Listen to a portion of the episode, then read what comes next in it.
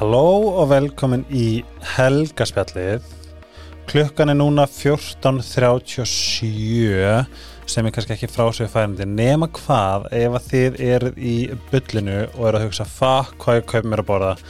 Þá er uh, hádegistilbóð á Dominos. Mjög praktíst en um er að ræða mistarpítsu á matseli og háls líters gós uh, ég mun aldrei segja neina ölsingu hvað er Dominos áður en ég segja frá tríónu en í hverju mánu koma þrjár megastóra pítsur með fullt af áliki á ógislega lítinn pening. Þess að mæli með en áður en við förum yfir í gesti þátturinn sem ég mögulega fara að æla yfir af ást uh, þá er travel kiti frá Sítokjör eitthvað sem þið eigið að pröfa ef þið viljið pröfa þetta að umræða fjóra vörur og fjórar af þeirra bestu vörum en það er face creamið, handcreamið, body scrub og body lotionið.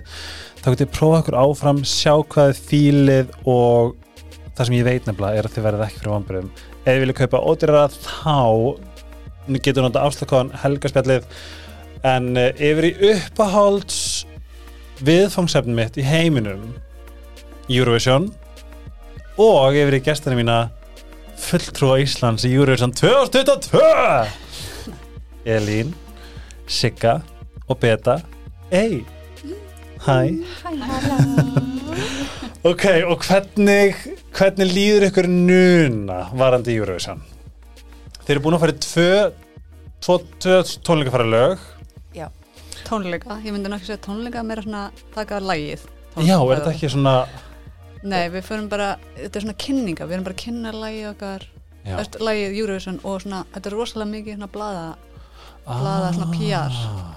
Þetta er ekki, þú veist Oh my god, tónleik, eitthvað svona svaka Jú, það eru tónleikar Já. með öllum, það er taka allir sitt Eurovision Já. lag. þetta er svo tannig tónleikar, já Voru þið impressed af einhverjum sem að sem voru svona, ok, vá af Mm. öðrum hinum landunum sem minn Já, eftir braskigurinn er svolítið vá Já, hann er sam, alveg gegn hann er svo geggjar, svo er hann líka bara svo ótrúlega næs hann er svo frábær, hann er svo fallega nærveru Ok, og hann er svo góður og hann er yndislegur rosa down to earth Já. svona þægilegur stótt hann sem er alveg 12 miljónir followers á TikTok. Já, sko máli er, ég er búin að vera ég er, ég ætla ekki að segja ég er búin að vera hater, because I'm a lover aldrei hater.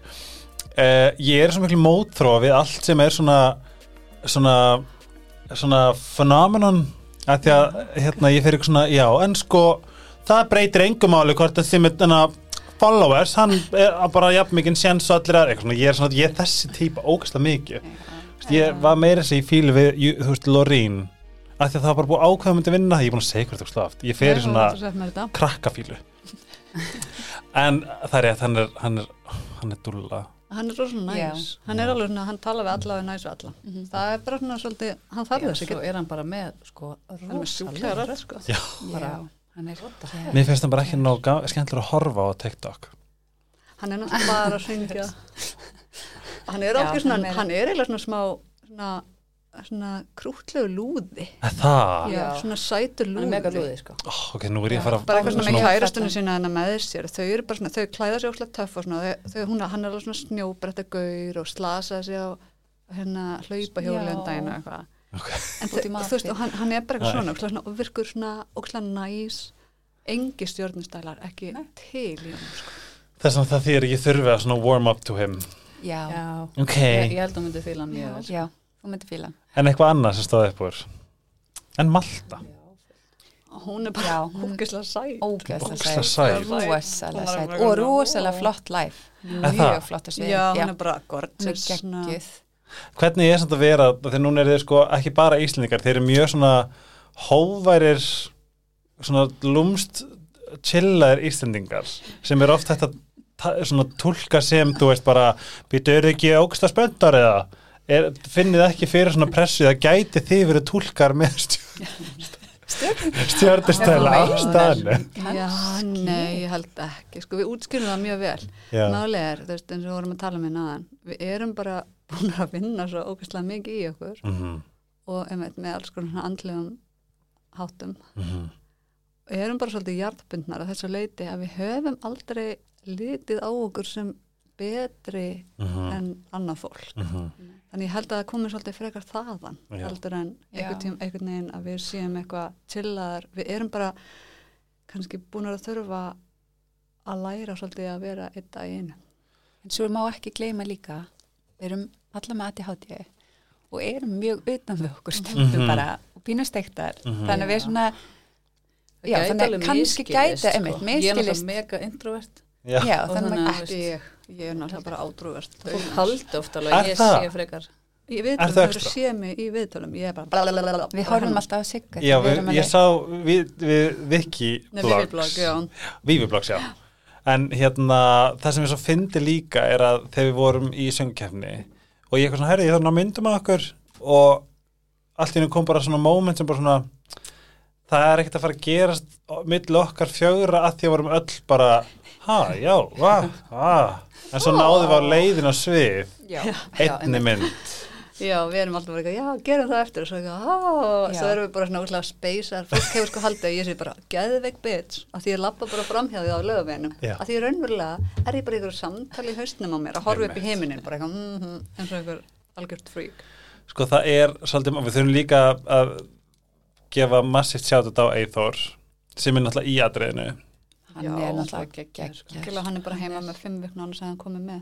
spá Já, í hann því er bestur Já, og sætur og sætastur, hann er alveg hann er alveg svona bara sko, einhvern veginn bara í söngvakefninni momentin á sviðinu þegar vorum eitthvað svona að horfa til liður og brosa og svona, þegar maður sér hann Mhm. þá var alveg svona gaf mann alveg ljós í hjarta sko, varð mjög svona mikil ást í loftinu sko, Hvað er hann gamall? Hvað mótil hann?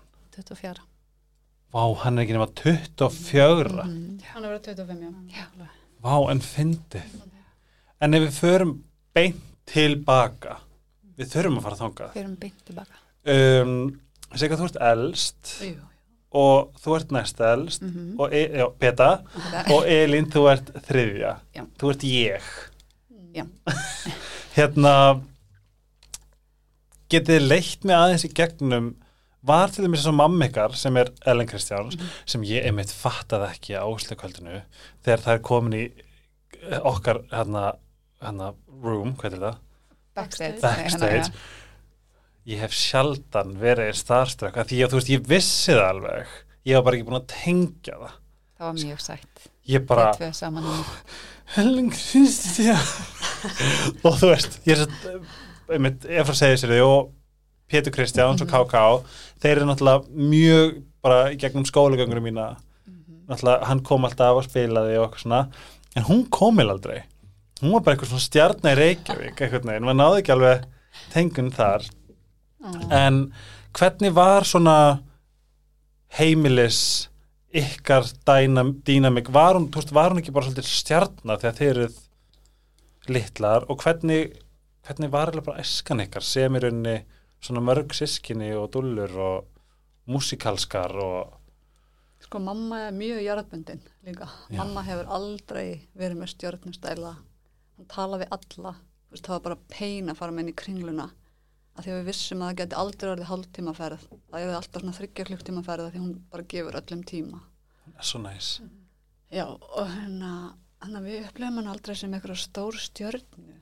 Nei, ég man bara hvað mér fannst það skemmtilegasta sem ég gerði var að fara með mömmu á æfingar fyrir það. tónleika. Mér fannst það svo gaman. Ég gæti bara siti og dunda mér og bara hlusta á hann að syngja og einhvern veginn, mér fannst það geggja. Mér fannst það ekki af gaman, ég þurfti alltaf að vera að passa Elín. Já, Svo ég, ég einmitt- datt hún já, og ég fékk hljópa á sviði og brotvei, ég var að reyna að hlaupa frá til Hlaupa frá henni og hljóp á sig og það var, mér- það var einhvern veginn, þú veist, Sigga. og opnaðist ná með nefi og blóðum. En hvernig, núna ert þú elst, upplifir þú þið sem þetta svona klassíska oldest child, svona, Já, ég fröytist dæmi um elsta bann, ég ber alla ábyrðina. já, er það, en það í dag, Já, að sé ekki svolítið svona sjálfskipa hlutverk sem ég er einhvern veginn först í. já, ég, ég ætla að það var næsta, ertu búin að, ertu búin að svona um, heila það innan gæðslapa, hefur þurft, eða hefur kannski þurft það, Já, ég held sko, náttúrulega, ég passaði stelpuna svolítið mikið þegar ég var hérna yngri og svo var ég svo ung mamma, já, tvítug, sko. Og þá bara einhvern veginn fór Elin að vera bara mikið hjá mér líka. Svo á ég bara, þú veist, 25 ára er ég alveg bara komið þrjú börn. Right. það er svona 25 ára. svipur á helga svo þau séu hann ekki Ég er að ströggla með einn hund stelpa. já, ég veit Ég er þar já, einmitt, en þannig að þú veist, ég held að svona automatikli farið með að bara í þetta ábyrra hlutverk þegar maður er svona mér finnst það ekki, þú veist, leiðilegt alltaf stundum. Já. En þá næst helst, fannstu fyrir þú veist, Var eitthvað mótró ykkur á milli? Okkar tvekja, Já. Um, Veitu hvað stjörnmerkir er aftur? Ég meia krabbi Ok, ég er náttúrulega sigga, ef sigga ætlar ekki að segja frá því, þú veist, ég var eitthvað, ég var alltaf svo ótrúlega samviskusum. Og gerði aldrei neitt af mér.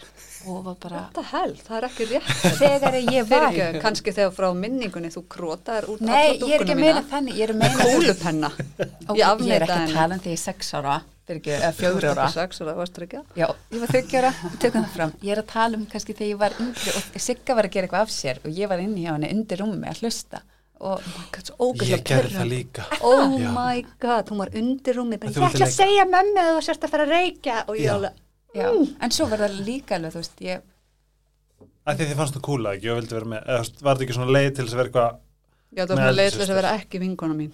Það var svona meir, Nei. leið til þess að allir vini mín voru bara eitthvað hún er að koma. Veitu hvað er mörg áramil líka? fimm ár. Fimm, Já, ok. já. já, en svo var ég held ég svona meira, ég fór alltaf, ég voru mikið fári ef það voru í góða skap. já, meðvirka Eða þú veist, nei, svona, ég er svona, ég og ég var meira svona, Já. hálfinsárunum og ég var meira svona, e, þorði ekki neinu, þangu til í mentaskóla. En þú, Elín Hver varst þú bara svona in life? Who would play, who would play you in a movie? Það er mjög góð spurning. Um, ég var svolítið svona feiminn og hlétræ og svo var ég svona heima bara, þegar enginn var heima með kústskafti að syngja Celine Dion og svona og útrás fyrir því einhvern veginn að vilja vera sönguna en hafði aldrei þórið að syngja fyrir fram að neitt eða einhvern veginn og svo var ég bara, þú veist, yngst og algjör frekja og örgulega og náttúrulega uppáhaldið þessi pappa sko. hérna og bara svona svolítið virta og örgulega Hvernig, hvena vissur og bara þið allar, hvena vissu þið að þið kunnu bara innilega að syngja eins og þið gerðu? Hvena kom þetta? Hvernig myndaðist þetta? Ég held að það hljóti að hafa komið kannski í ljós þegar við vorum að keira upp í sveit, þú veist, öll fjölskyldan í Á bílnum. segisverð. Á? Nei. Ná, jú, bara, Á þú veist, við keirðum oft í Munanes bara, eða bara í bústaði eitthvað og við byrjum að syngja einhver lög, bara, þú veist, við vorum alltaf ekki með síma eða iPad, þannig að við vorum bara eitthvað að syngja og þá byrjum við að radda, er það ekki? Já. Og í mannstundum voru mann pappi að tala saman fram í bíl. Og við vorum bara eitthvað að syngja og svo byrjuðum við að radda og svo allt í Þegar. eitthvað svona, þá vorum við eitthvað svona að radda hver aðra. Það var svona, en ég var á spítala þegar ég var lítil ég var eitthvað með nýrna síkingar og asma og þá var ég vist bara nýju mánu syngjandi í rúminu og læknarnir og hjúkurna var að koma og leggjast upp að hlusta. hörðin og hlusta á mig og svo var ég bara lítil þegar það er til upptökur á mig þar sem ég er að syngja rétt ára ára teknur og með hálskýrslanir Já. og eitthvað halló þá var ég að syngja eitthvað Reykjavík og eitthvað svona og pappi sko, ég bað um að fá að taka þátt í látúnsparkakefninni því ég var fimm ára sem það var ekki hægt og ég bað líka um að mér er að lofa að ég fengi að taka þátt í Eurovision Nei. ég var bara mjög lítil, ég skildi ekki alveg akkur ég mætti ekki taka þátt svona lítil sko. Býtu, hver, hver, hver var að taka þátt á?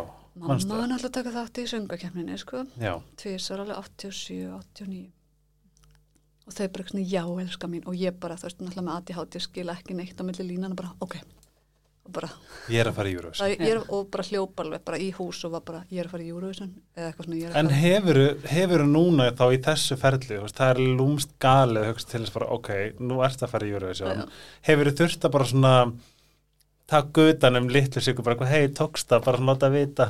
já, góð hugmynd Það er það ekki fyrir moment. Jú, það getur verið það, af því að þú veist, ég á oft mjög svona, er, þetta er mjög súræðilist allt saman, Mm þetta er svolítið svona eins og maður segir, þú veist, maður kannski laðar að sér eitthvað ég manifestaði þú Manifestaði. manifest, Manifestaði. ég manifesta Já. þetta Og bara dró ykkur með. ég veit ekki endilega hvernig þetta kom kom þetta.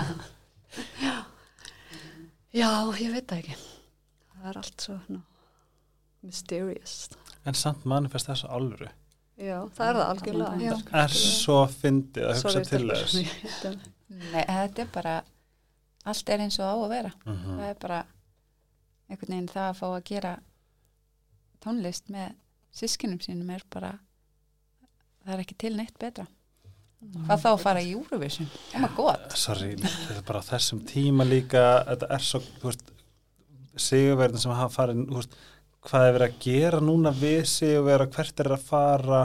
Þú veist, þú vorum að fara yfir það í útvarpinu morgun og þú veist Arcade er með 780 miljónir streymi, eitthvað svona þú veist, þetta er bara, þetta er bara þetta er svo stórt og þeir hérna Måneskin bara í túr í Ameríku og þetta er bara þetta er svo grilla já, þetta er En að því að þú sagði á hann ef ég myndi, ef ég myndi hella að fylla og henda þær í karaoke á, á English, nei hvað er þetta, Iris. Já. myndið þú bara geta farið í bara þangað? Ég myndi í Selindján heldur betur ekki að þú verið full þá veit ég ekki Þú veist, ég væri, ég er sko myndir syngja kúljó. Þú myndir syngja lag?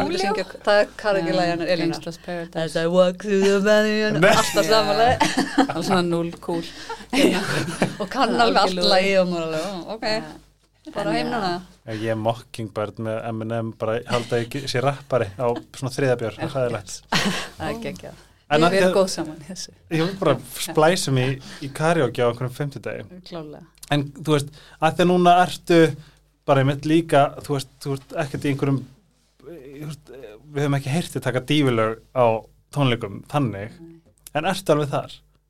Skætur alveg? ertu alveg í styrtunni bara anymore, ég, all by ég, myself bara, ég var rosa mikið þar sko. Ó, mér langar að heyra? Ertu til að taka Ég þarna skal- hljóðdæmi? Já, ég skal lefa þér að heyra ég lofa En Nei, ég hér, elska, sko. sko. því, allar upp á söngunum mínar eru sko, svona söngunur Er það? Það er náttúrulega ég og Beta vorum líka bara alltaf að hlusta á sko Marie Carey og Whitney Houston og eitthvað svona og Elin verður sko er alltaf með okkur hann eitthvað svona en aldrei eitthvað að syngja, hún var svo svona þögur og eitthvað, svo kom það okkur svolítið óvart þegar hún kom alltaf henni bara eitthvað Ég kann að syngja ég kann að syngja líka Hvenær, hvenær var svona það breakthrough? Fyrst vildum gítar þegar hún var í fermingagjöf svo fór hún að semja ykkur lög Já. viltu segja hann hvað lag svona þetta? Það var áður Nei, það var aður, já. Já, ég baði um hérna gítar þegar ég var Já, þú átti klassískan gítar. Þú átti klassískan gítar í jólagjöf og varst 11 ára, já. var svolítið sára þegar mér langaði ramaskítar en hérna þá samdi ég sér satt lag til Siggu sem að hétt Why are you always leaving me? Þessi sigur Já, því ég var alltaf að ferð, ég var alltaf að ferðast í bandaríkjana og svona. varst að stega 19 ára. Sigga var svo mikið svona, svona sko eða þú veist, hún hugsaði svo mikið um mig. En ég hef sagt verið mjög dramatísk frá ungum aldrei og, og sem mjög dramatísk lög Svo kom ég heim og þá voru Beta og Elin báður búin að líma svona, alla, taka alla myndinar og myndalbumunni hjá mamma og pappa og svona setja mig út um allt eins og ég væri bara eitthvað dáin eða eitthvað. það er, samt- það er samt alveg legit með elstu sískinni, ég mann dæmi sýstu fór í líðháskóla, ég bara grét og grét og grét og Já. grét þú veist, þetta er alveg legit Já, sko. ég einmitt grét mjög mikið ég man alveg hvað er það? Býtu meja krabbi og Sport ekki sporðdrykki en rísandi og tól, beta. Fisk Ég er tunglir. Nei, ó, ég held þessi fiskur og ég manna ekki. Nei, ég manna ekki. Hver með þér? Ég er svona, ég er fiskur í mér sko, Mhm. í vétisku já, og ég er krabbi líka og svo er ég með ljón í mér. Mikið ljón. ég, já, ég er með nöyt eða sport, nei, ljón eða sporðdrykki, ég veit sko en ef við förum aðeins út í þetta. Erst þú? Þú getur mjög vel ég verið er ljón. týpuri Tvíburi tvíburi, vassberi og bóamaður í rísunda. Það er svona, ég, það er ekkert gránd í mér, ég er bara eitthvað gufa ég er bara loft. Ég er bara einhverjum heljumbladra bara sem er bara eitthvað, já aha, Ég held að þú verið meia Af hverju held ég að þú verið meia? Nei, því ég, örgulega því ég, þegar þú sagði mér að vera með þá gerði ég potið að því ég er með svona ég er með svona krónisk, krónisk hræðslu með Beta er ekki típisk með sko, Nei. alls ekki. mér ekki finnst með ekki. nægilega fullkomnunar áratu. Ég á alveg vinni, ég á mjög mikið að megin í kringum mig, það eru miklu meira svona mm, Mhm. Fyrst þið beta ekki með fullkomna jú, hún er með fullkomnunar áratu á öðru Bara mætt með gufu tækið ef ég er í krumpum t-shirt. Já, ok, það er ekki, það heitir ekki fullkomnunar áratu það heitir árata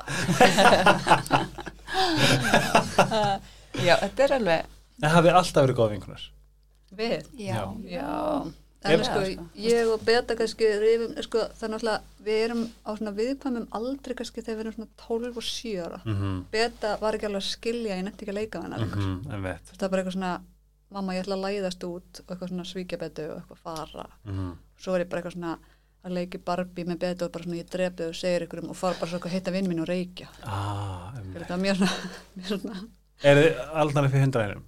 já, á 107, það veist, í Vesturbænum og Já. 101. Já, en ég og Elin vorum alveg, Já, við leikum okkur en við erum slíka mjög svolítið mikið, Já. klipum hver aðra og svona. Slást. Elín var bara svona, Elín elskaði Buffy the Vampire Slayer og hún elskaði Tattoo þær voru í Eurovision ekki? Tattoo. Jú. Já, 2003. Já, hún elskaði þær og svo elskaði líka og líka hana Charmed. Charmed, Nornunar, hún var bara með plakkat af þessu inn í herbygginu og svo gekk hún í svona, hún var mjög svona confused tískulega, hún gekk í svona fúbú-buksum, Fúbú. Það var svona hip-hop-merki. Já, og svo gekk hún líka í hérna og svo kannski þröngum svona hlýrabólum á ofan, hún var ekki Ó, alveg- það er flott. Já, það var alveg það er, verið, það er mjög mikið núna. Já. Tísku Núna, já, sko, núna. ég er búin að hlæja að því að Nei, og svo lappa og svona skoða tískuna þetta er svona tískan sem ég var svona lúða úlingurinn Já. í þessu Þú Það er varst ekki tískan lúði, er þú varst ekki lúði, ég held að þú hefði vilja, þú fílaði bara að geða þetta báðar tískuna, stráka og stelpu tískuna. Já, Ég langaði bara svona í smá að báðum. maður Ég sé held að bara það- núna, þú veist, gömlu NSYNC outfitin og allt þetta svona Já. hræðilega móment, maður svona, við höfum vandræðilegt hvernig það var henni í gamla þetta, en nú er þetta bara allt Já, komið Þetta er aftur. Þetta er bara rosa mikið að koma. jangtískan hennar 2000, ég bara, oi, þú veist, ég með svona alveg bara, "Ugh, Já. þetta er Og er er gömlu Pamela Andersson, Já. plokka og Nei, þetta er allt komið aftur. Nei, er kemur aftur, ekki. skilur. Það Lágu kemur gallaböksunar ekki. komin aftur Mhm. Já, það kemur ekki augabrúnar. Ég Ég er bara, ekki búin að vera að sapna augabrúnum í tvö ár til þess að plokka þær og búa til einhver þetta, sko. það er ekki búið en hvernig hófst, um, oh my god, ég kíkti og það var 22-22, en hérna, um, hvernig, ef við förum eldsnætti ferlið, hvernig, þú veist, uh, hækandi sól verða til og svona þetta ferlið. já, við fengum skilaboð frá um, Lófisu, Mhm. Leiló, Leila. sem hún sendi á okkur og bað okkur um að hvort við værum til í að syngja þetta lag sem hún hefði sami fyrir söngvakeppnina og við sögum við hann bara að við myndum hlusta á lagið og, og láta hann að vita og svo bara leið ekkert svo langt þú veist, við hlustum að lagið og við bara Var það gert fyrir þrjáratir? Mm, Já, hún hafði samband já, við okkur sem Já, sem ok. að við, hún vildi að við myndum gera það veginn saman, saman, já. sko. hún baði okkur um að gera það þrjár sko. Við svona hring, hringdumst aðeins á og vorum svona aðeins að velta þessu fyrir okkur og svona eitthvað neinn svo bara, svo rosalega ólíkt mér að ég hafi verið svona geðveitt Já. peppuð í þetta, það er okkur spes af því að venjulega er ég Það er internal. það er að- eitthvað svona, Já. já, ég er venjulega me- meira svona að ég veit ekki að því ég er fullu námi í hjúkurinn og eitthvað á þessum tíma, þannig að það kemur svolítið óvart. Og við var og svo held ég að bara komið yfir okkur, veist, ég man bara eitthvað, ég var í stúdíun og svo var ég eitthvað, æ, gerum þetta bara. Þetta er bara óslega skemmtilegt, bara að vera saman Já. og veist, fara inn í eitthvað nýtt og maður er bara gott að því að prófa eitthvað og Já, Já, ég er út með fyrir þetta eitthvað sem veist, eitthvað sem að við höfum kannski ekki dætla að gera en þetta var svo Ég, ég er ekki að menna sko, ég, ég hef alveg viljað gera þetta bara ólíkt að ég skildi hafa verið svo sem var svolítið að íta, gerum Mhm. þetta bara, Mhm. venjulega er það beta, eitthvað svona, þú veist, Mhm. og ég er oft svona svolítið svona, eitthvað svona, svona þreytt að mamma, en nú er allir svona orðin svo stóri og ég var bara, já, ég til ég eitthvað. En funduði var eins og þú veist, var eitthvað sem bara svona, að því að þú veist, þetta ferðalega ykkar var svo magna, sérstaklega einhvern veginn bara hafa verið með ykkur þarna líka, að upplifa bara, þú veist, þið gátt, þið voru sko, hvað heitir þetta, uh, að vera ham, hambúl, hvað heitir það? Auðmjúkur. Auð, bara auðmygtin upp máluð og þegar þið komist áfra þá bara svona, oh my god, eitthvað svona, ég, og þið ógæslega hissa, þetta varð alltaf eitthvað svo ógæslega einlagt og krútlegt og svo einhvern veginn að sigra og minnst það, þú veist, funduðu eitthvað fyrir því þú veist, já, þetta er rétt. Bara já, þú veist, bara þegar þú komin á sviðið eða Já. eitthvað. Já, bara rétt svona, ég held svona mínut, hálfri mínúti ára Jón Jónsson saði með hækkandi sól, þá fekk ég svona hugbóð, við erum að fara að vinna þetta. ég fekk bara eitthvað svona, og þetta var ógæslega skrítið þú veist, ég var bara svona ég fekk eitthvað, oh my god, ég trúi eða svona, ég, áður en hann sagði það, þá vissi ég það uh, eins og ég var að segja við stelpuna það var eitthvað svona innra með mér sem sagði stundur svona Hey. veist, hey, ert, það er eitthvað svona að fara að gerast eitthvað annað en, en þú heldur. En ég var oft eitthvað svona nei, er það ekki bara eitthvað róskikja eða eitthvað, að ég skilir ég mig? Já, að því að svo vorum eitt sko svona veðbankanir við vorum í fjórðarsæti og þú veist fólk held náttúrulega með reykjavíkudæturum það eru með svona hressla og svona, þú veist, og hressulögin eru oft svona vinsæli Já, og líka kannski svona, svona fyrirfæra meiri Já, Skilurðu? þannig ég kannski var svona meira undirbúið með þú veist bara svona búin að sætta mig við að við værum ekki að fara að vinna ég held að við hefum svolítið verið þar að við værum bara ótrúlega þakkláta fyrir annars sæti eða þriðja eða whatever skilur Já, hún Bara var við mjög hefum sáttar. við vorum bara mjög sáttar við að hafa fengið að komast í keppni tvö mm Ég, ég held sko, ég var aldrei verið jafn mikið bara þetta fer allt eins og á að fara. Einmitt. Ég var bara, eins og auðvita, hérna, bara þegar þú veist að segja hvað við erum hissa og eitthvað svona, þá var ég svona að upplifa þetta aftur og fekk alveg svona gæsa og bara vá hvað það var Nei, ég var með kontakt við þig. Ég veit það, ég man svo vel eftir og sko, veistu hvernig ég sé það fyrir mér? Það var svolítið eins og sko, veit ekki, þú veist, svona í teiknum þetta þegar sálinn svona þegar þú tókst öskrið þegar þú horfðir alveg svona into my Já. soul það var svolítið eins og sál þú hafði svona sprengt sálina úr þér í smástund og beint aftur inn. En það sést það á myndunum. Já, Ég- við erum svo bara- geggja myndir af þessu mómenti þú veist, en mér finnst einhvern veginn svo allt þetta ferli bara, þú veist, Mikið það var, já, og það var svolítið bara svona trust the process Já. allan tíman, Mhm. þú veist, svona og það er ekkert alltaf sem maður nær því þegar maður fer inn í eitthvað, en það var bara eitthvað yfir þessu öllu saman, þetta var bara svolítið svona eitt í einu, við vorum bara inn í þessu, við vorum bara að treysta ferlinu og bara, Já. og Já. bara einhvern veginn var svona mjög bara smúð og, og skemmtilegt og ég held að þetta hefur klálega verið allt bara eitthvað svona mentu bí, sko. þegar maður lítið tilbaka, þú veist, þá sér maður það svona, Mhm. þú veist, hvernig þetta var allt Já, það ekki Jú, alveg, já, ok, þetta meikar allt saman svolítið Já. sens, en sko þú veist, ég held eins og þú varst að tala mér náðan bara fyrir ára við byrjum, þú veist, að við verðum bara, maður þarf bara að sætta sig alltaf við, þú veist, núið og hvernig staðan Don't er. argue with reality Já, Mhm. en, en þú veist, það er bara svolítið hérna, það er svo það er svo ótrúlega fáir hlutir sem ég hef stjórn á Mhm. ég hef bara stjórn á mér og mínum viðbröðum og hvernig ég kem fram með fólk, það er eina Mhm. sem ég hef stjórn á ég hef ekkert stjórn á hvað fólki finnst um mig eða ég hef stjórn á hvort ég Hvaða sé- kýs. Já, eða þú veist, ég hef bara stjórn á að bera virðingu fyrir fólkinu og, og koma fram, þú veist, af virðingu vinsam, þú veist, það er eina sem ég hef. Mhm. og finna líka þakklæti í öllu þessu, þú veist, hvað maður var með indislu fólki, maður fekk kynnast svo ótrúlega mörgu hæfileikaríku frábæri fólki, þú veist og bara fá að vera þarna og vera með sískinsunum og svo, þú veist, vera með mamma og pappa þarna og, og Sigga Karin kærasta Eithors bróður var kasólegt á settum degi þarna og loka kvöldinu, þetta var svo Og hann kom hvað, fimmtum eftir? Já, hann kom 19. Já, þann, þannig að þú veist, þetta var bara þetta var ótrúlega skemmtilegt. Ég, sko, ég bara hefði einhver aldrei viljað ég missa get ekki þessu. svona sagt það frá þessu kvöldarnulega ég, er bara- ég er svona að reyna að rifja þau upp þegar maður tala, ég er einhver svona Ég fór sko til spákonu rétt á þér Að það? Já, og, og það var svona útla skríti ég, ég var ekkert alveg að tengja hún var bara, heyrðu, það er brjála að gera hér Vá, bara þú bara nær ekki að slaka á ég var bara, kæft að það er ekkert að frétta sko, ég var bara eitthvað að hérna og, og hún bara, heyrðu, ég sé hérna svið. Þú, þeir eru tvö svona eitthvað, nei, þeir eru fjögur. Það er eitthvað rosalega stort og mikið ferðalega framöndan og bara svona alls konar Er sem ég var bara ekkert að tengja við á þessum tíma. Og svo núna er ég bara, wow. Já. Já, það var alveg bara, líka. veist, Mm Ég fór í vétisku hann Já. Já, ég líka. Hún var bara eitthvað Já, ég sé nú ekki að þú sért að vera að fara í hjúkurinn Já, ok, ég sé eitthvað svið, ertu leikona? Já, er tónlist meira ánæglega Já, það er þetta tónlist, það er eitthvað stórt svið og ég sé bara að þú ert að fara í músíkina. Já, ég held að það ætti bara að vera alveg í músíkinni. Og það bara í kortinu? Já, ég er bara með Mhm. þetta upptöku, sko. Já, alveg, ok. Ég fann sko það sem ég er svo ánæg með og stoltur af er að ég held að, að því við vorum svo rólega all minnhópur á úslakvöldinu við vorum í bara algjöru algjöru ró.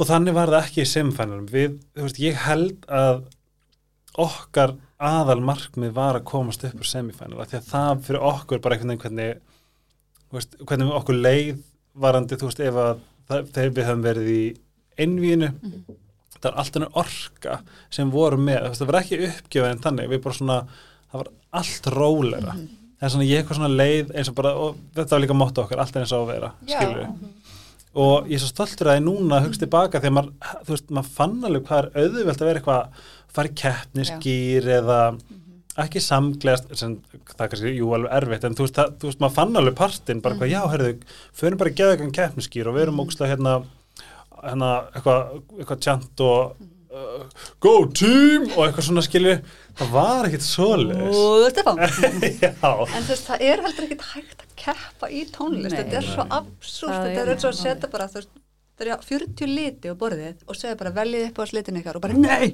gul eru flottar en bara, þetta er svolítið svona, þú getur ekkit, nákvæmlega. en orkan var svo ótrúlega næs. Og þú veist að kannski margir halda maður sé eitthvað að segja svona ég held með öllum eða þú veist maður eitthvað neinn það bókstala það var bara raunverulega þannig það var eitthvað þetta.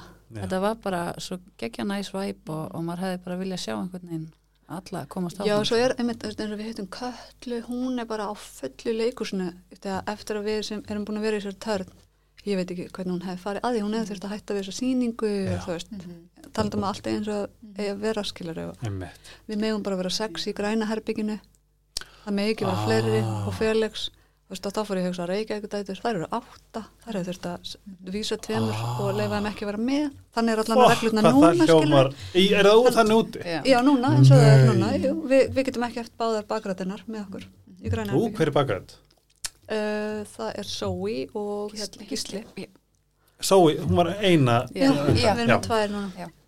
Ég hérna um, ó, nei, vá, ég blankaðist. Hérna, en ef við förum í smá draumóra á Ítalíu hvað er svona hv- að þið verðum að fara í allt annað eftir það.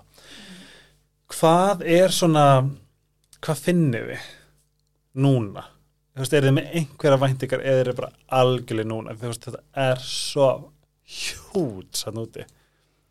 Þú veist, 41 land eða 42 lönd. 41, neða Rúsland er ekki með. Thank God. 40 Já, en samt þess ég, ég menna auðvitað á Rúslandi ekki vera með en samt þess ég vorkenni alveg, ég finn alveg til með fólki í veit. Rúslandi sem að er á móti stríðinu sjálft Já, og öllu því sem að við verðum að munna að þetta er fullt af góður rúslandsku Ég fólki veit, ég fór bara, ég fór strax í skil þig. heitið. Ég veit. Oh my god. En hérna alls ekki, ég menna auðvitað þetta er bara partur af því, svona, þú veist, refsingunum Statementinu, sem, já. statementinu skilur, Já, þetta er já, ekkit persónulega móti fólkinu sem syngur lagi eða eitthvað þannig. Og enda ekki í okkar höndum. Býtu, voruð þið komin með lag? já, þau Já, voru ok. komið með eitthvað lag held ég en allavega, já, anyway, hvað voru við að tala um? Já, Þess að bara, þú veist, ég, eina sem að, ef, að- þú veist, ein, eina ástæðan fyrir að mér langa að fara út var til þess að geta átt sens að kissa Mammut frá Ítalíu. Þetta er bara, þetta er eina, þetta er eina krössi mitt í lífinu. Já. Bara hendið Jake Gyllenhaal í mig og ég ég vil held hann að ekki, betur, sko. Betur langi til að kissa Maró frá Portugal oh my god, hún er svo sæt það? Portugalsku söngur og Oh portugalska lægi Nei, sko, lægið fyrir að fyrsta er geggja Ah. Hún er svo sæt Já, Ég hef ekki skoðað hana. hún er stætt sko Hún er mjög sæt. flotta rödd Já. Ég er bara ítalski Mammut, ég ég, ég, ég höndla hann ekki. Ég er bara svona innilega, I can't deal with this.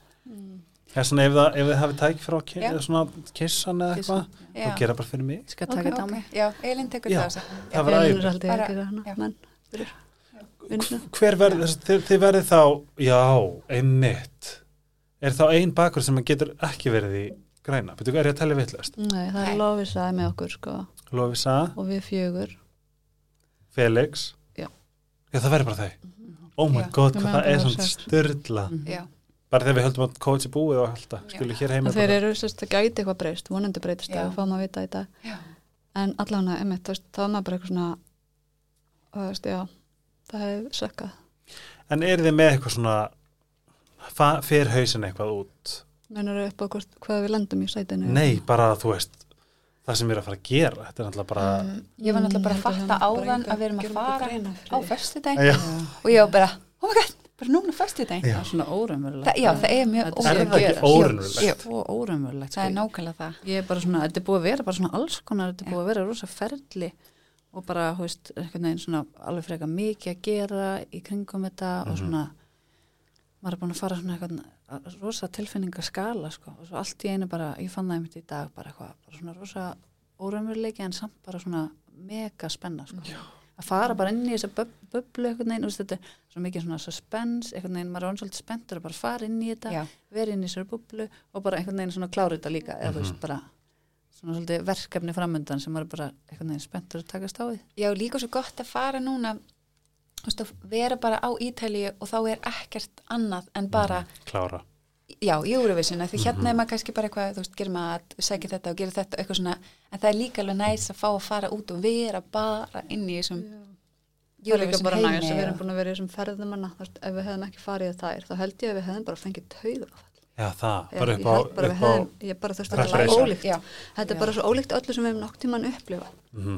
þetta er bara allt annar heimur og þú veist, við erum búin að kynna okkur annan heim mjög vel. Ég er bara eitthvað svona, ég er svo mikið nörd sko, ég fer inn í allt svona ég er bara eitthvað svona típan sem les allan ríksuðbæklingin þegar ég kaup mér nýja ríksuð Nei, ég er alveg, ég er, svona- ég er ekki að grínast sko, ég fer á YouTube og skoða hvernig ríksuðan virkar áður mér hana. Ok, það er ógustlega fyndi. ég er svona típan sem kaupir- kaupi bara Já, og svo ég er bara shit. Já, eru bara eitthvað svona, þær Ég- gera þetta ég fyrir IKEA og kaupi hérna eitthvað og ætla að fara að setja saman ég er bara svona hvernig það gerum, þetta er ekki svona huga sko á bæklingu Nei, Já, það er að- ég er nefnilega, eh, hef hort á þær nóg mikið til þess að vita, vera ekki þannig. að ég er svona típan sem kaupir mér eitthvað í búð og skila í 20 svona. Það ég er líka svo oft búin að vera einstæði mamma þannig ég þarf bara eitthvað svona veist, að vera Redda. gera allt sjálf, og gera sjálf skilur, og ég er svona, þegar maður þurfti að spara rosalega mikið og passa peningin sin Mhm. þá þurfti maður bara að skoða okay, veist, hvað er fólk að segja um þetta? Er þetta góð fjárfesting, ég er svona svolítið skynsam mjög skynsam er amma, amma kendi mér það sko. ég fekk ekki þessi Nei, ekki til þess að hérna um, þið bara allir sem eru að hlusta þið verðið að fara inn á uh, systur niðurstrykk ei, nei, að tala um já, já. Já, Já. og þar fáum við að fylgjast með beint í æð já. þarna úti, er það ekki? Um, yfir frá Eurovision yfir í það sem að kannski tengir okkur hvað mest það er að þið eru búin að fara veist, allar sem ein allar búin að fara í ykkar ferðalag bara á svona andlegunótunum og þið voru með tarot og alls konar fallegt og í bakherbygginu ef við förum aðeins út í bara svona hvað myndið svona ef við þyrftum að segja frá því svona hvað hefur verið ykkar svona hvað við segja bara svona um, svona andlu leiðbennendur og hvaðan kemur það og hvenar kom það og hvert er að fara með það? Hvað er horfa á mig? Sigga. Já, hjá mér sko ég hef alltaf haft bara sem ég var lítil bara mikla þörf fyrir að vita svona eitthvað tilgang mm -hmm. með lífinu, þú veist, hann var oft svona yfir þyrmandi þegar ég var lítil. Og svona, þú veist, bara ég skildi þetta ekki. Mhm. þú veist, ég var bara mjög lítil þegar mér var sagt ég var í gömul sál. Bara svona eins og ég var svolítið svona bara af hverju er ég hérna aftur hvað er ég komin aftur. Henn og aftur en að að henn og svona ömmur okkar sko amma og langama voru spákonur. Og svona það var svolítið mikið verið að spá alltaf í kringum okkur hana. Mhm. þetta er kannski líka svona partur að það get ekki verið í núinu og sætt sér við núi. Maður er alltaf svona hvað gerir næst? Þetta aði háti enginu svona, þetta er ekki nóg gott núna ég þarf að fá eitthvað betra. Mhm. en svo svona setna mér þá fann ég að ég er svona alltaf hérna þú veist, ég átti erf með að hjartengja mig og ég þurfti einhvern veginn að fara inn í einhver svona huglæslu og einhver svona andlegar leiðir. Og það er bara svona alls konar sem ég hef gert. Hvenar byrjaði það? það er svona sjö ár síðan kannski. Já, ok, þannig að ég er svona fyrir inn í bara svona alls konar hérna, fyrst fer ég bara eitthvað svona svona manifestation svona, þú veist, ég, ég hafi einhvern veginn svona val í lífinu hvernig, ég, hvernig mér líður og svona, ég það bara? Bara ég get fundið, þú veist, þakklæti getur breytt lífið mínu, Mhm, alveg bara 180 gráður. Mhm. svo bara svona alls konar kennarar þú veist, ég finn alltaf svona reglulega að ég hef þörf fyrir nýja kennara í lífinu. Þú veist, það er svona eins og Ramdas sem er svona jóka kennari sem er bara svona mjög mikilvægur fyrir mér. Svo er svona eins og hann hérna heimsbyggingur, hvað með góður, hvað heitir hann? Alan Watts. Alan Watts, Mhm. hann er líka mjög flottur ég er bara að hlusta á alls konar. Ég, hlusta, ég er með sko obsessed af svona near death experiences. Mér finnst það bara ótrúlega heillandi. Ná, fólk sem hefur dáið og komið tilbaka hvernig það breytist hann Hefur einhvern tíman fundið fyrir tengingum fyrirlíf? já, ég var í bara dálæslu fyrir ekki lengur síðan. Þá fór ég inn í eitthvað svona. Og ég hef svo sem gert það áður sko, það hefur oft svona komið upp eitthvað neinn Ég man ekki hver það var, hvort það var litli bráðin eitthvað, þegar það var sagt um bara svona, ég man ekki hver það var, en það var svona, ég skil ekki hvernig hann nennir að koma aftur og aftur og aftur. Það var svo Ah. krútlega því að skilur Einmitt. að það væri hérna ennina ferðina. Já. ég var svona alltaf svona já, ég vildi líka bara alltaf vera með Þú veist, ég var alltaf bara hjá ömmu og hún var kannski að slúðra eitthvað í síman og ég satt bara svona bara svona eins og ég bara svona uppliðið mig svona og líka þegar ég var bara mjög lítil þú veist að það var stóll heim hjá ömmu og ég svona ég ætlaði hans að setjast að láta mig dagdreima Ah. ég var bara svona, mér fannst svo gott að vera bara eitthvað stær hana way up sko. Mhm. og er svolítið þar alltaf því ég felli heilara þá er það bara sko að ná mér niður sko. En heldur að ADHD að hafi einhver áhrif þarna í rauninni upp á að þú veist alltaf ómöld veginn að lýsa að vera með ADHD, finnst mér allavega. Mér finnst alltaf að vera að koma eitthvað nýtt og nýtt bara já, það gæti verið út af það gæti verið, þú veist, einn handlegur af, af ADHD af hverju svona, svona, svona. Mm Þú veist, finnur að það kaos hafi verið tengst eða svona haldist í hendur ég held að sko, að já, ég held sko mitt að ég hátti ég er svona rosalega ófylltir veist, sem batna svona, veist, þá bara spurði ég að því sem er datt í hug Já. og ég skildi ekki svona social cues, bara hort svona á mig bara, og ég alveg, hvað? Hvað sagði ég? Hvað sagði ég vitlaust? Er það ólétt? Já, bara svona, varst þú að halda fram hjá og svona, þú veist, bara, ég, mamma sagði það eitthvað, veist, Nei. bara og fólk bara, svona, og ég bara, hvað, þú veist, ég bara svona, og ég skildi ekki svona orðin svo kannski eða Já, setna, eða svona, ég bara, þú veist, ég fattaði ekki alveg svona, bara, þannig að það svona, það var allt svolítið svona erfitt fyrir mig, ég þurfti svolítið svona að finna einhverja leið til að kópa kópa þar, sko, ég veit ekki, þú veist, hvað ADHD er raunverulega, sko, hvort það bara, þú veist, eitthvað svona rosalega þörf til að setja okkur allir í eitthvað kassa og segja þú ert fyrir utan hann og þú ert fyrir innan hann og þú ert fyrir utan hann, það skilur, bara samfélagi er svolítið þannig, Já, bara þú ert þetta kyn, þú ert þetta kyn, þú ert svona, þú ert svona. Bara svona flokk okkur. En þú beita um, sko, já, talandi um ADHD ég var að mynda að hugsa hvenær byrja ég eitthvað svona andleiri vinnu, það var eiginlega bara hver, tvö ár síðan ég var greind með ADHD og þá fór allt rosa mikið að make a sense hjá mér, af því að það var einhvern veginn ég er rosa svona um, ég verð oft mjög svona félagsfælin og alls konar af því að hausina mér er bara á miljum, alltaf. Og, og svo verð ég greindu einhvern veginn þannig ég gætt aðeins svona fyrirgefið sjálfur mér fyrir að vera eins og ég er einhvern veginn. En varðandi sko svona mína leiðbindi þá verði ég að segja að minn helsti leiðbindi er sigga eða veist, hún, það er hún sem að er mín fyrirmynd í að vinna í sjálfur mér. Og hefði hún ekki einhvern veginn verið svona mikil fyrirmynd að hérna, að tárist ég að hérna þá hefði ég ekki farið í mína vinnu. Þannig ég er henni ótrúlega þakklátt og, og ég finn þú veist, ég finn alltaf þegar ég er ekki að góðum stað þá gleymi ég þakklætinu. Þakklæti er svona ég er svo þakklátt fyrir. Já, Sigga gaf okkur einmitt í morgun hálsmenn Nei! sem að stendur á grateful. Já, hálsmenn morgun? og morgun já, og, og það er svo mikilvægt þakklát. að, minna sig á hvað maður má vera þakkláttu fyrir. Þannig að ég bara, og, þú veist, já, og huglega og nú er ég byrjað að hlusta ramdast líka og stelpuna kynnti mig fyrir. Alan Watts Abraham Hicks. Já, ég bara og ég get ekki hægt að hlusta. Og þú veist, þær eru bara svona þær byrja alltaf að hlusta því ég er svo út um alltaf það er svona, ég hermi bara eftir því sem þær eru að gera. Þannig að, og við hermum eftir ykkur sem ykkur annar að gera það. já, já, já Mér finnst líka fyrir svo ógæslega fallegt að hugsa til þess að þú veist það þarf sérstaklega í fjölskyldumunstri eitthvað svona, þú veist það þarf virðinu bara eitthvað eitt til að break the pattern. Mm og þegar það er brotið það, það, veist, ég finn líka hvað það búið að gefandi fyrir mig að ha, einmitt, byrja andlega vinnu Mhm. og þú veist að allt í hennu eru bara þú veist samtölum við pappa orðin Mhm. öðruvísi þú veist, Já. hann er farin átt að sá því bara meðvirkni er ekki eitthvað sem er slæmt þetta er bara eitthvað sem að, eitthvað gjöf sem að maður fær og fer áfram og veist, alls konar svona staðreindir sem að við getum tólka sem gaggrinni eða eitthvað, ó það er eitthvað að mér sem er bara ekki málið, skiljið þú veist að geta miðla sérstaklega til þeirra sem maður elskar mest þetta er úrslega fallegt Já, sjálfsvinna er ótrúlega falleg gjöf. Já, og, og, og svo smitar það út Já. hvetur aðra Mhm. til þess að skoða inn á við og þá koma svo mikið af góðum svörum það er svo fallegt Það er það. þú er veist, hver svo sem tekur á sig fyrsta skellin sem er Mhm. alveg erfiður og svona mjög yfirþyrmandi að fá að miðla er svo það sé svolítið gefin tilbaka mm Mhm.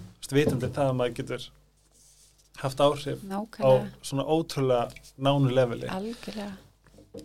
en þú Elín Um, sko, ég held að ég hef byrjað mitt sko, ég held ég fann fyrst fyrir ég held að óttin sé svona sko rótina því að ég leita í þú veist, bara þegar yngri ótrúlega óttaslegin og svona, veist, bara alls konar ótta við dauðan, ótta við eitthvað slemt gerist.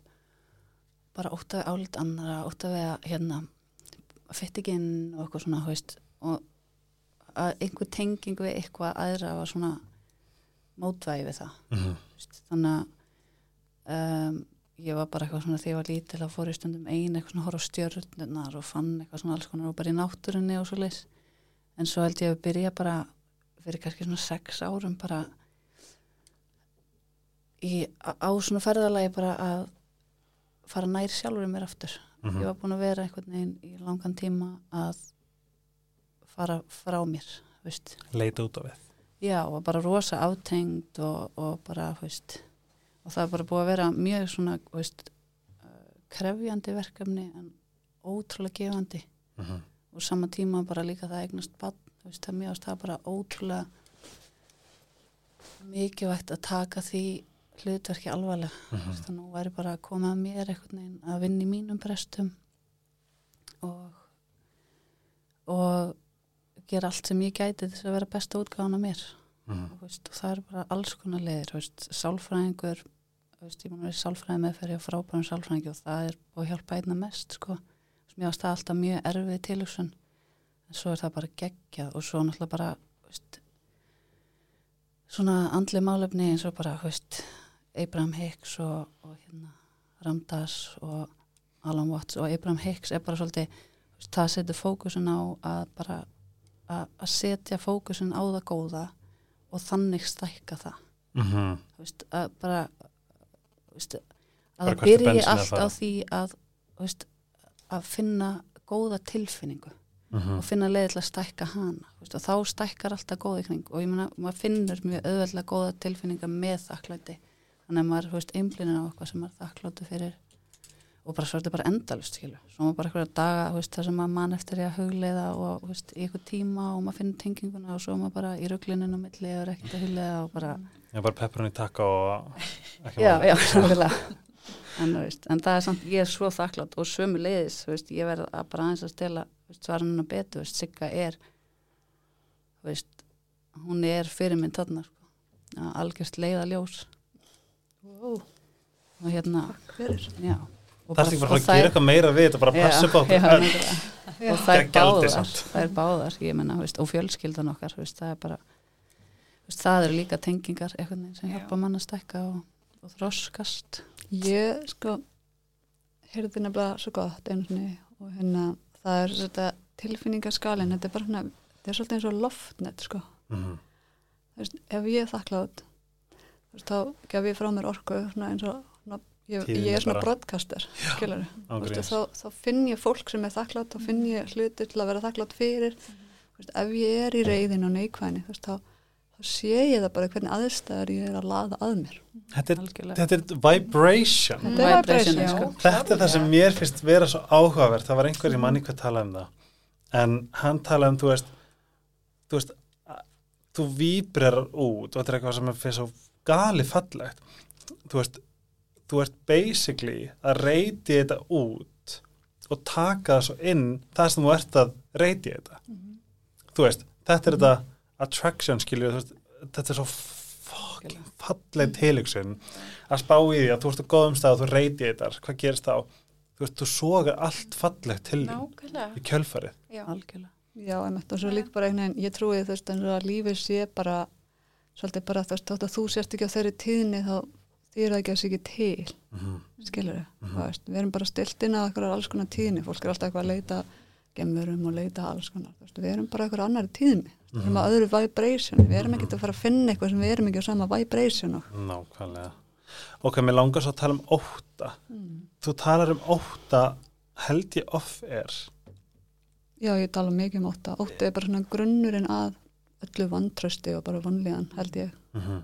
Því ég held, að, ég held að þú ert að það er svo verðt að skoða þetta orð að því að við hugsaum ótta er, ég er hættu kongular, Nei. skilu, að þetta sé, en þú veist, það er, þú veist, are you living in a place of fear or in a place of love? Þú veist, það er eins og, það er oft talað um að þetta sé bara svona tvær leiðir, bara að það er rauninni rosalega fátt þetta á milli.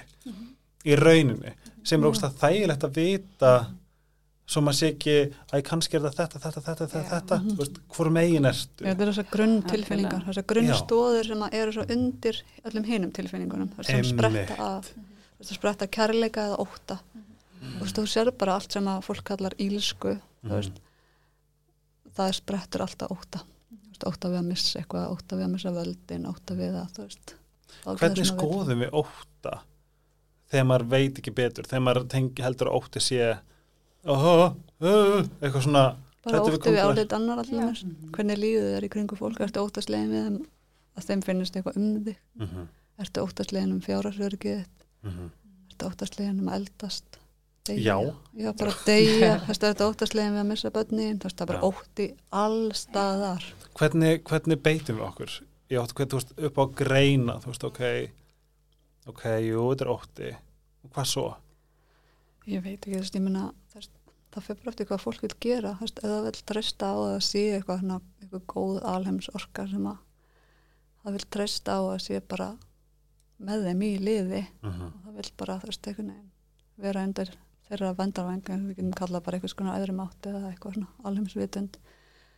Þá er, hefur eins mér mjög vel að sleppa tökunum og treysta því. Þú veist, ég nota bara svona æfingu þar sem ég bara svona anda inn sem er bara svona anda inn treysta, anda út sleppa, -hmm. skilur eða eitthvað svo leis og svo kannski líka að muna að, hérna, þú veist mér finnst oft gott, þú veist, fegurðin kemur innanfrá og í grunninn þá erum við öll eins Mm þú veist, við erum öll að þessi ótti við álit annara þetta er svo ótrúlega óþægilegt Mhm. það, er, það er svo vond og Mhm. þú veist að vera einhvern veginn inn í egóinu þá er svo gott að muna líka bara einhvern veginn að við erum já, bara líta inn á við og, og finna kærleikan sinn -hmm. einhvern veginn Sko, þú komst með mest, mestu neglu uh, sem ég hef held ég bara heyrt.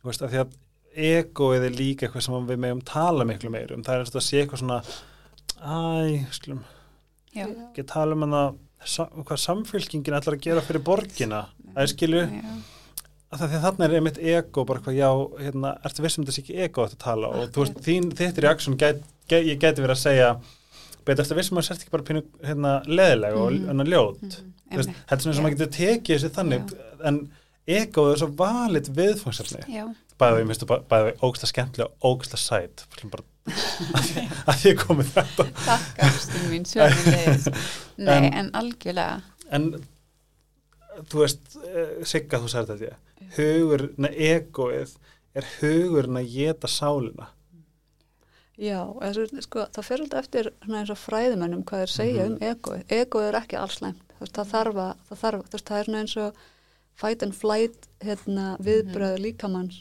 gagvart huganum. Veist, það þarf stundum að verja. veist, en, en stundum getur egoið, þú veist, ef þú ferð bara inn í það og ert bara stanslust að fóðra það, mm þú veist, þannig að þú verður svona rosalega materialískur og svona ferða einhvern veginn að halda ytri aðstæður getur gert þig flottari út á við -hmm. Þá verður alltaf einhvern veginn þá fjarlægast eins og Elín var að tala um bara meir og meira sjálfan því, Mm -hmm. skilur það að því raun að veru, þú veist, í raun að veru vitu við, að við förum alveg inn á við að við þurfum ekki neitt Mhm. það er ekkit út af við að fara að gera okkur hamingisvæm þú veist, þú sér bara þú veist, horfðu bara á fólk sem að býr við ömulegar aðstæður í Afríku og er bara fárónlega brosandi og gera við lífið sitt einhvern veginn, gera gott úr aðstæðan Mhm. Af því að það ekki annað nei, það er löst við svona, þessi. Þetta íþingjandi, íþingjandi partin að því að verða alltaf að eignast allt. Þú veist, þetta, þetta er svo mikið svona krabbamenn á vestrænt samfélag Það er það, ef maður spáir í það. Svo svo fyndi líka því veist, ég reyna að kynnast egonum mínu svo rosalega vel og að spyrja sig, veist, ok, hvaða hlutverk er egon að spila núna? Veist, eitthvað reaksjón, eitthvað sem að ég svona, wow, þetta var svolítið, þú veist, og þú veist, þetta er sama þegar maður segir, ok, ég fór kannski aðeins út frá gildunum mínum, þú veist, get, var þetta eitthvað svona saklaust eða, eða var þetta kannski bara eitthvað sem var bara að hafi slæm áhrif? Mér finnst svo gaman stundum að kynnast egonu upp á að geta svona spila leikin þú veist. Já, að þú ert líka meðvitaður um það, þú veist, það er það ekki hættulegt. Eða, bara dance with the devil. Algjörlega. ég Já, það að er gaman að fylgjast með því hvað ego, að því ef maður getur pinpointa já, þá er maður einhvern veginn, það er sjálfsvinna líka. Mhm. bara ó ó, þarna er egoið að reyna að stjórna. Þú veist, ég veit þú vilt vel en ég ætla ekki að lefa að stjórna Þetta, þetta er líka bara svona surviving mekanismi, hann, hugurinn vill stjórna, ah, Þú veist, hann, hann er döðlegur, þú veist, hugsun, það er það sem er döðlegt og þau bara svona, það vill halda lífi. Og hérna ef að við förum að verum í núinu þá svolítið svona deyr hlutverkið Mhm. hans. Og hérna ég held svolítið að þú veist að ég menna, ég, það líður ekki, þú veist, ég fer kannski bara inn á tónleika og þú veist, svo er eitthvað, hún syngur betur en þú og ég bara, já, ok, takk, takk fyrir þetta. Og bara, bye bye, þú veist, skilur, ég er orðin- orðin rosa svona meðviti um alls konar svona. Thank you for your opinion. Það er bara, Já. Bara allan Já, daginn, bara svona halló, tekur ekki eftir mér. Þetta er alveg eins og hana myndin, teiknumyndin, hana, hvað heitir hún? Soul. Nei, hana, já hún er æði en Hérna- hinn hana það sem allir persónleikanir eru hana í- já, já, hérna reyðin, hvað heitir þetta aftur? Inside Out? Já, Inside það Out, er brjálæðislega góð hérna mynd sem segir manni algjörlega. Hvernig svona hausin á manni virkar Já. allan daginn sko. Ég er sko mér er svo fallegt að, að ég á eina persónu í mínu lífi sem að, sem að ég er bara búin að vera í hérna, að tala við og svona bara fara svolítið djúft skilju og þar komi ljós að þú veist að ég var henni búin að dæma þessa mannesku svolítið harkalega út frá egóinu. Og þetta er ekki svona spjall þar sem að ég er eitthvað hvað ég er vondur eða, eða á hvað, hún er gölluð eða whatever skilju þetta var svo ógislega áhugavert að skoða þessa personu sem er með svona um, þykkan egoskráp til þess að svona survive. Að því að bakvið hann er bara mesta tilfinninga indi sem ég hef upplifað. Og þess vegna var svo áhugavert að fara í þennan þetta spjall að í rauninni, jú, við getum fættið mitt egoð okkar, en hvað er við þá að reyna að verja okkur frá? Er það ekki að horfast í augu viðrunni okkur? og eitthvað sjáu þið eins og það er eitthvað setja út á þig egoð er ég held að einhver leiti er egoið bara óttin skilur við, Já. þú veist. Það það er bara samtengt skilur við, þú veist, með egoið að því að, þú veist, kannski grunninn það er einhver óttið hana að þú og sálinn sé ekki nóg skilur við, eða verði hafnað eða hvað sem það er er sem maður er að díla bara við skilur við, sko, þetta er bara ég. höfnunarótti eða bara að maður sé ekki nóg eða og egoið heldur að sé að venda þig í raun og veru veginn. Randars talar alltaf um þetta svona eins og maður sé svona space út þetta, sé eiginlega svona fáralegt sko. Maður sé alltaf eitthvað bara svona vá hvað þú ert sætur, hvernig finnst ég? Þess að þetta er bara alltaf svona, við erum alltaf að spegla okkur í svona áliti annara en þú veist eins og betur að segja aðan þá innan við þú veist í grunninn erum við öll eins. Komum öll af sama efninu. Þú veist, við erum eitthvað staðar alltaf eins. Svo er bara svona mismundi lög utan á okkur. Og ég held þú veist að egoið sé nöðsilegt og það líka getur orðið okkur ofviða. Einhvern veginn að ná nógu mikill meðvutun til að ná að svona jökla því Já, ég held að það sé bara eitthvað sem maður getur ekki gerst á, veist, það tekur langan tíma. Maður Mhm. fer alltaf svona svo flakka maður svolítið svona yfir mm inn og út úr því, skilur stundum er ég bara eitthvað þið er miklu betra líf en ég eða eitthvað svona, uh, eitthvað svona suma dag er ég bara það, Já. ég geði eitthvað sjálfsvorkun eitthvað svona, en ég er óslega fljóta að spotta. Það, Mhm. mm það er óslega mikil vinna sem liggur á bakvið að spotta. Það og er ekki að spotta það í rauninni nóg? Jú, Það en stundum er ég bara, ég ætla að vera hérna í einn dag ekki sko. tala um samanburður þú það er bara þessi speil að bara heiðarleikin við sjálfa sig Mhm. viðkynna sem að bara er samt svo mikið punktur sko að samt líka fá að spegla sig með öðrum sko, veist. Það getur ekki alltaf verið bara sjálfur með speil en skilur þá getur maður kannski rugglast en, en það er, veist, náttúrulega Það er erfitt. það er erfitt, Það það er er tilbúin að horfa- langerfiðast. horfa- horfast heiðarlega í augu við Það segja bara eitthvað, herri, þú ert bara óslega afbríð sem er minnum átt að kendi í sjálfsvorskun. Nákvæmlega, já, það er bara eitthvað Það er takk fyrir Ef þetta Elin Já. myndi segja þetta við mig, þá var ég bara tegju, ég ætla ekki að tala við, þú veist, eitthvað. en ég þarf að segja þetta sjálf við mig.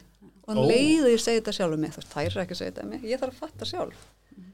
En leiði fatta þetta sjálf, þá bara brotnar eitthvað, ég er, ah, ok, þú veist, ég þarf aðeins en að, samt líka gott að eiga eins og samband sem við eigum allar, þú veist, að ég get ringt í einhverjum svona skapi, veist, í þær og ég fæ heiðalegt svar Já. en þú ert kannski, þú þarft kannski kannski þarft að huglega, kannski þarftu aðeins að reyna að sjá hvað þú hefur hvað þú gætur þakklátt fyrir Mhm. eða bara, þú veist, þetta er bara egoið þitt, þú veist, þú ert bara afbrísum núna eða, þú veist, með já, einhverjum maður þarf minnum svona að að passa kendi sig aðeins hvernig maður segir það, sko, ef að fólk er í mjög vondu skapa, maður segir, þetta er nú bara egoið, þá er bara búm, stillt á maður. já. já, þú það. veist, nei, bara segja fallan hátt Já, þetta er bara svona getur verið Já. að þú sért í einhverjum óta og kannski Mhm. getur verið gott núna fyrir því að, þú veist, að líta aðeins inn á við og skoða hvort þú getur aðeins bara þú veist,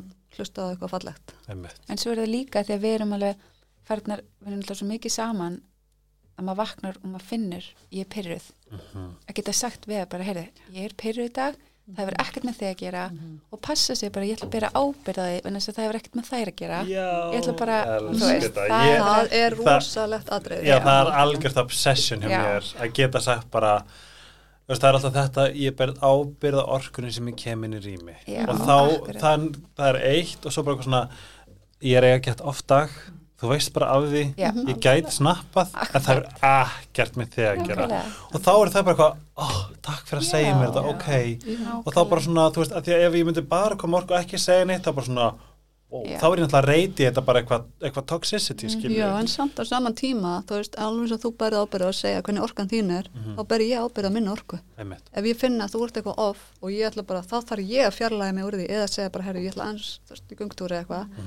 og ég að í að get ekki, þú getur ekki borið ábyrðaði þú veist í vondu skapi, allir aðrir fann í vondu skap. Nei, nákvæmlega Það er aldrei þér að kenna. Vegna er svo frábært að, að koma með hennar disclaimer ég er eiga gett off þá er líka þetta bara, þú veist ok, þú veist, ég finna hann, það er kannski bara smá space hann, Já. þú veist, hann má vera bara eitt frammi, Já, þú veist, það er bara það sem hann þarf Já. og svo er þú bara eitthvað, wú, á meðan í Nákvæmlega. þínu Já, Ég segi þetta stundu upp bennum mín, sko, eins og bara, ok, það, það en það er ekki afsökun fyrir að koma svona fram. já, emmi Þú mátt hafa ástæði, ég lendi þessu þessu þessu, Mhm. en það er ekki afsökun fyrir því að þú komir einhvern veginn illa fram við mig eða einhvern annan í kringu eða alveg og ég, þú veist, ég lendi í árekstri, það er samt ekki á, þú veist, ég hef ekki afsökun fyrir að öskra á sýstu mínar eða bönni mín.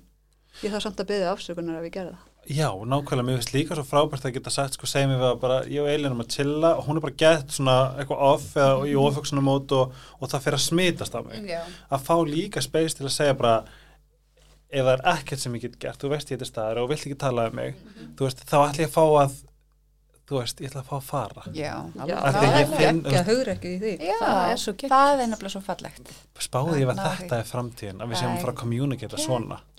þetta er bara eiliðar svona verkefni skilur, en Svo Brjóta sko, þessu maður kemst meðvirkni yfir það, að veist eins og gúruvarnar eru og svona, Já. þá er það bara, þú veist, allt segð alltaf sannleikan og elskað alla og það það er bara, þeim er bara alveg sama Já. þeir eru bara eitthvað, já, elska ok, þetta. er ekkert að spá í já, þetta er nefnilega uppáhalds en að, þetta hjá hann, hérna, gúrun hans er alltaf þetta. Love everyone. And tell the truth. And always tell the truth. Og hann var fyrst allt að bara gera ég elska alla en ég bara fucking þól ekki þennan, mest hann Mhm. óþólandi og bara mest hann ókslega tilgerðilegur og perandi og alls konar svona, Hann bara, og svona samtvinnast þetta sko. Þegar þú ferð að viðurkenna já, það þegar þú getur heiðarlegur Já. og, veist, og, og hérna og bara sagti mitt, ég finnst þetta. Veist, ég finnst þessi bara úkslega perandi í dag. Já, en, má maður els, segja en það? elskar hann samt. Já, já, já, þú þarft já. ekki að segja við Þarft mannski ekki að þú þarft að segja sjálfur þér. En þú þú mátt að vera segja bara, ég sjálfur hann í já. staðin fyrir að vera sko ó, hann er svo fokkin óttalega, nei, hann er frábær og ég er þakklátt fyrir Já, já. nei, Það verður haldi að ég bara mann sé þóla refsa hann fyrir að hugsa ekki. ég hann ekki. Hann er ógeðslega leðilegur en mér þykir samt væntum hann. Já. er, áttu, lí- áttu svona að refsaði fyrir það? Já, já. Ég líka. Ég, nei, sko, ég fær hræðilegt, ég get ekki, þú veist, ég bara fær svo mikið móral Já. held að komi eitthvað hræðilegt fyrir mig eða eitthvað svona, þú veist, það Það er, er meira, sko, ef maður að er í þessari, þessari orku. Já, þegar maður leifir sér hlust, veist, Hvað það snær? losa það, Þú mátt líka hreyfa eins og vilt. Já, Ég er alltaf eitthvað að tjasta þegar maður, þegar maður leifir sér að losa, eða þú veist, bara viðkenna, einmitt, eins og ég sagði, að því að sko, já það er góð punktur að því að stundum fæ ég svo mikið ógjöð að vera alltaf í einhverju heilu space og mamba jumbo uh, eitthvað svona, stundum finnst það svo boring skilur, Já, þú veist eitthvað svona já, en en að hún er kannski bara eiga, nei, nei, nei, ég bara svona, nei, Nei. hún var bara geðveikt tíkigær og það fór í töðunar mér það var svona gott Já. stundum að fá bara að Já. segja þetta Að Já, ég meina við vorum úti veist, og ég var bara þessi típa er svo efleðilega hún, er- hún er vond, hún er vond en ég er líka rosa sennuð Nei, en svo bara um leiðu segi þetta þá fral, þú veist, það er svona fer þetta Já, og ég horfa á manneskina og ég er alveg, æ, hún er bara fín já, að því Já. Þetta- sko. ef Já. maður byggir þetta upp í sér, þá verður maður svo gramur og springur bara á eitthvað allt annan og veit ekkert hvað er að. Já, stundum þarf maður mitt bara að lefa sér að vera. Við erum með svona grín þar sem við erum bara eitthvað svona ég vond í dag. Já, það er svona fóstbróð, ég er ekki að sé það, eitthvað stelpunar eitthvað, hún er eitthvað svona, setur svona miða hörðin eitthvað, ég vondi í dag. Og svo er hún eitthvað að rispa bíla úti og svona, taka sleikir Já, þetta er hann að gulla. Já, já, já, og við hefum svona dagar þar sem við erum kannski þessi fokkin óþólandi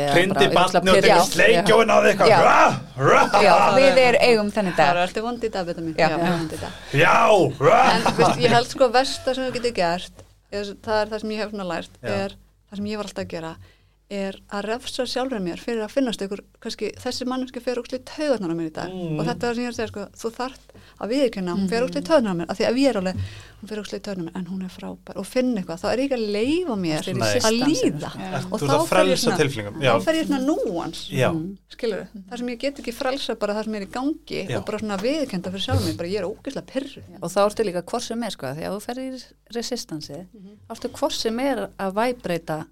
og er er þessu Engu. verða Ég- þá er ég bara- og þú er er ég að bara- stækka já, það já, þá og frekar bara en að bara sleppa hinu Já. þá er bara fyrir miklu minna fyrir því sko það er ógæslega frelstust um að segja að hún hafi bara verið fokkin tíkigjör Já. Það er bara mjög mikilvægt, að því að maður er ekki, maður er ekki að vera vondur, maður er bara að viðkynna það sem maður er að hugsa Já, og svo bara líður það hjá. og er kannski líka eins og það segir love everyone, Já. er það ekki grunnurinn Já. að þegar ég má segja Elin var tíkigjör en ég elska hann samt, Já. er það, má það? Ég elska allan mínar daginn. út á lífinu. En sko, Jésús, ég menna við getum allar verið gjörsamlega óþórn og bara þarf ég að vera með henni í dag í þessu skapi eða þú veist. Vá, hvað er Það ekki hægt frelsað að að tala um þetta það er svo gott. Það því að ég er alltaf að bögga maður bara eitthvað, nei, en ert þú ekki alltaf andlegur helgi, þarf ekki að vera óslega mikið ég hef verið ógislega mikið svona bara, Já. já, nei, bara, þessi er bara ótrúlega yndislegur eitthvað svona, úst, en þá finn ég mig samt, þá er ég samt það er ekki genuine. Nei, er það það bara bara betra eitthvað að vera annað. heðalegur sko, Já. þú veist, en það þýr ekki að ég ætla að fara að taka skrifinu lengra og vera eitthvað að, að tala illum eitthvað mannesku við Að- það, þá er maður farin á þótt einhvern þú gerir það rangan veg, þá er það skilur. allt í lægi og þá þarftu bara að horfast í auðvitað bara, já, ég var að tala með eitthvað, kannski ekki líða mér illa í dag út af því. það er Mér líður alltaf mjög illa, ég finn það alveg, ef ég, hef- þú veist, ég geri, ég tala ekki illum, allavega reyni ekki, þú veist, af því að ef ég geri það þá líður mér svo illa. Algjörlega, þetta er náttúrulega, þetta er náttúrulega bara, eitur fyrir mann Já, sjálfan. Já. það er það og bara maður og svona, þetta er hann að búta dóti hérna, þú veist, you can't drink poison and expect the other one to suffer. Nei, Skilur, þetta er alltaf- er er þegar, þú mynd, og líka Það er þetta myndu þegar þú er bendir einum fingri Mhm. þá mynda þrýr á þig. Já. wow. Herri, ég er að fá bara gæsa hérna. Er þetta er ógeðslega gott. En ég held bara svona, þú veist ég elska þetta konsta því að þú veist, ef ég spá í mann svo mikið hvenna ég var að bögga með einhverjum ég, ég er svo sennaði stelpur Já.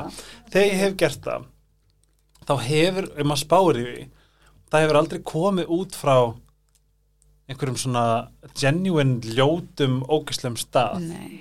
er þetta ekki alltaf kannski meira hvað er þetta í manneskinu sem er að tryggra mig Já, Já, ótti veistu, að, Ótti. það er líka svo geggjaði mitt, þú veist, að viðbröð, sálfræðingurinn sagði við mig einu svona, sem ég var hjá, viðbröðin þín er aldrei sprottin af því sem er að gerast í dag, þau eru alltaf tryggjara eitthvað öðru, það er verið að minna þig á Já. eitthvað, er alltaf, ef þú ert í núinu, Mhm. bara alltaf, ef þú verður bara svona eins og eitthvað bútamungur, þá tryggjarast ekki, Nei. þá bregst ekki við, þá ertu bara, hm, ok, og hérna, þú veist, þetta líka bara að vera andlegur er ekki að vera ekki mannlegur, að vera Ah. andlegur held ég fyrir mér er Ok. að vera manneska sem getur hort inn á við og sé sjálfan sig eins og hún er í alvörunni. Þetta var samt svo góð setning að vera andlugur er ekki að vera ekki mannlugur, Já. sér það ekki? Jú, Halló, print that shit on a t-shirt sko. Mhm. honest En byrju, er þetta eitthvað sem þú heyrt eða verður þetta bara quote sig A Quote? Sigga A Já, ég veit ekki, það er bara svona You heard it here Já, Ég er bara svona rosa mikill pælari, ég veit ekki hvort ég hef hert þetta, bara svona, ég er alltaf að pæla. Sko.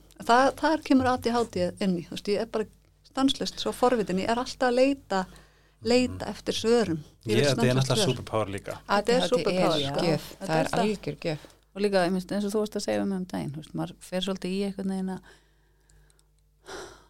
og að setja eitthvað neikvæða fókusun á ADHD bara eitthvað, já, á, ég með ADHD er bara alltaf eitthvað, ég Það er að öllu, þetta er alltaf algjör sagt um steik hann. þú veist, í staðan fyrir einmitt að að það er svo gegn það. það er svo margt gott í því sko. það. að vinna bara- með það og Filtersleysi, skilur við, hvað getur þú fengið út af því? Þú getur tröstið að ég sé að fara að segja það satt. þegar þú Nákvæmlega mig. Mhm. Og margir sem spurja, sérstaklega í útvarpi bara svona Helgi, af hverju kemst þú upp með að segja svona mikið? Og það er bara því að það kemur bara frá einhverjum einlægum, þægilegum Já. stað já, veist, Að- já, algjörlega en það er eitthvað allavega í þessu sem að er úkslega og þetta sama, ég er að vinna með hérna, undir ásanina Já, Já, og þú veist, hún er sama, hún bara, þú veist, hún er svo opin og kemur frá svo eitthvað svo geðveitt cool stað, algjörlega. Frá svo miklum heiðarleika og sannleika, svona sínum sannleika, að hún bara, ég ætla ekki sem komist upp með, hún bara erði það. Og maður tekur þessu fallega. Æ, ég veit ekki, minnst og ég meina ef fólk er bara samkvæmt sjálfur sér og er heiðalegt og einlægt þá getur það ekki bröðust mm. að því leiti maður verður þá líka eins og þegar ég segi eitthvað sem að er særandi fyrir eitthvað Mhm. þá verður líka að geta tekið ábyrða því og sett bara "Ó, fyrir geðu ég ætlaði alls ekki að særa þig með mínum svarta skrýtna húmor. sem að ég mér finnst ég bara óslega fyndin og ég skýt ykkur á fólk og fólk er bara ég trú ekki að það sagt það við mig. Þessan spyr ég alltaf, er ég fyndin? En áður en við höldum áfram, ég verð að koma inn Akstasathinn að því að nú er komin, komin sömur greinlega, það er bara april þess að nú verður allir að fara að tróða í sig Astasathinn sem að er vítamin frá Ice Herbs. Að því að þá verður tönuð og glöð og falleg og perfect en Astasathinn er power power uh, vítamin og allt uh, íslenskt og fallegt hjá Ice Herbs. Og þið megið ekki gleyma D-vitaminu, ég veit að sól en það er aldrei nóg D-vitaminu og ef þið eru dætt í flensu þá er C-vitaminu og engifjarblandan svo lit. Ég mæli með að skoða Ice Herbs, það er, eru núna með 20% afslut í hagkaup út april og uh, á heimasíðinu finnið fullt af góðum tilbúrspökkum svo þið getur vítamínað ykkur í gang. Íris uh, Tanja var að taka með sér heim fullt af Herbs þess að þú getur stóli frá henni. geggja Um, ég hérna við ætlum að uh, enda þetta á uh, smá eldsnöggu Eurovision töði. bring it Hversu peppar er þið? Sjúklega peppada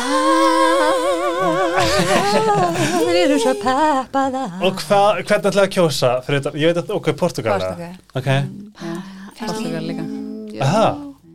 mér finnst líka að reynda gríska lagi mjög flott. Að það er ógæðslega flott. Já, mér finnst það ógæðslega flott. Ekki hlusta það. En ef að þú fær að covera hérna dífulög, já, ég ætla að gera það. Væri það ekki hot? Jú. Getur ekki mætt að dífutónleika með þarna bara jóhnugurinn og ég ætla eitthvað að og... gera það, ég ætla að Já, sétt, ég var bara að hugsa í gær hvað Jóhanna Guðrún var geggjuð svo geggja sko. mm -hmm. bara, Það er alltaf verið að spyrja mig hvað er uppáhalds íslenska Eurovision akti eitt og ég er eiginlega svona ég er að fara að segja kannski bara Jóhanna er geggjuð. Já, Hún Nei, er bara eftir geggjuð. allt að vita, vera bara einn í þessu Já. fara einu svið og syngja bara hana óaðfinnanlega eins og hún hún gerði er það er sjúkt Já, sko. hún er geggjuð.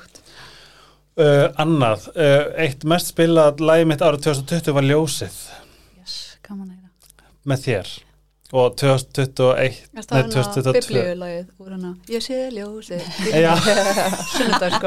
Já.